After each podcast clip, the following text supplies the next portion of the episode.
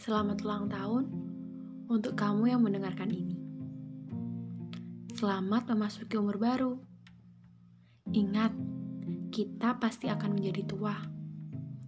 Tapi, apakah kita akan menjadi dewasa? Karena menjadi dewasa membutuhkan proses yang tidak singkat.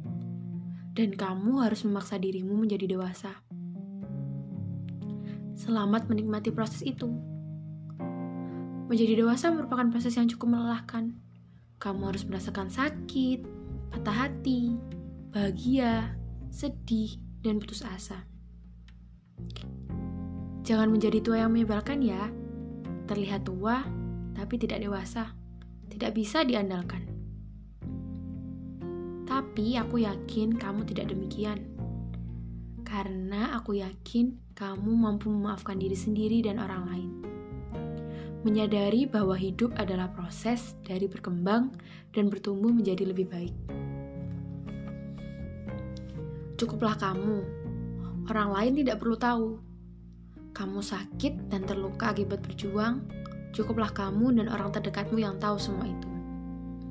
Teruslah berjuang untuk dirimu, untuk sosok yang mendukungmu.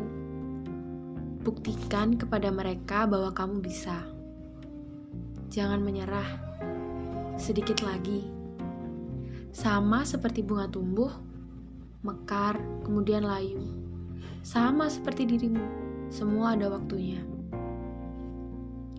Kita tidak bisa memilih untuk lahir dari keluarga seperti apa, dengan fisik seperti apa, tetapi kita bisa memilih untuk bersikap seperti apa. Terima kasih telah menemani proses pendewasaanku.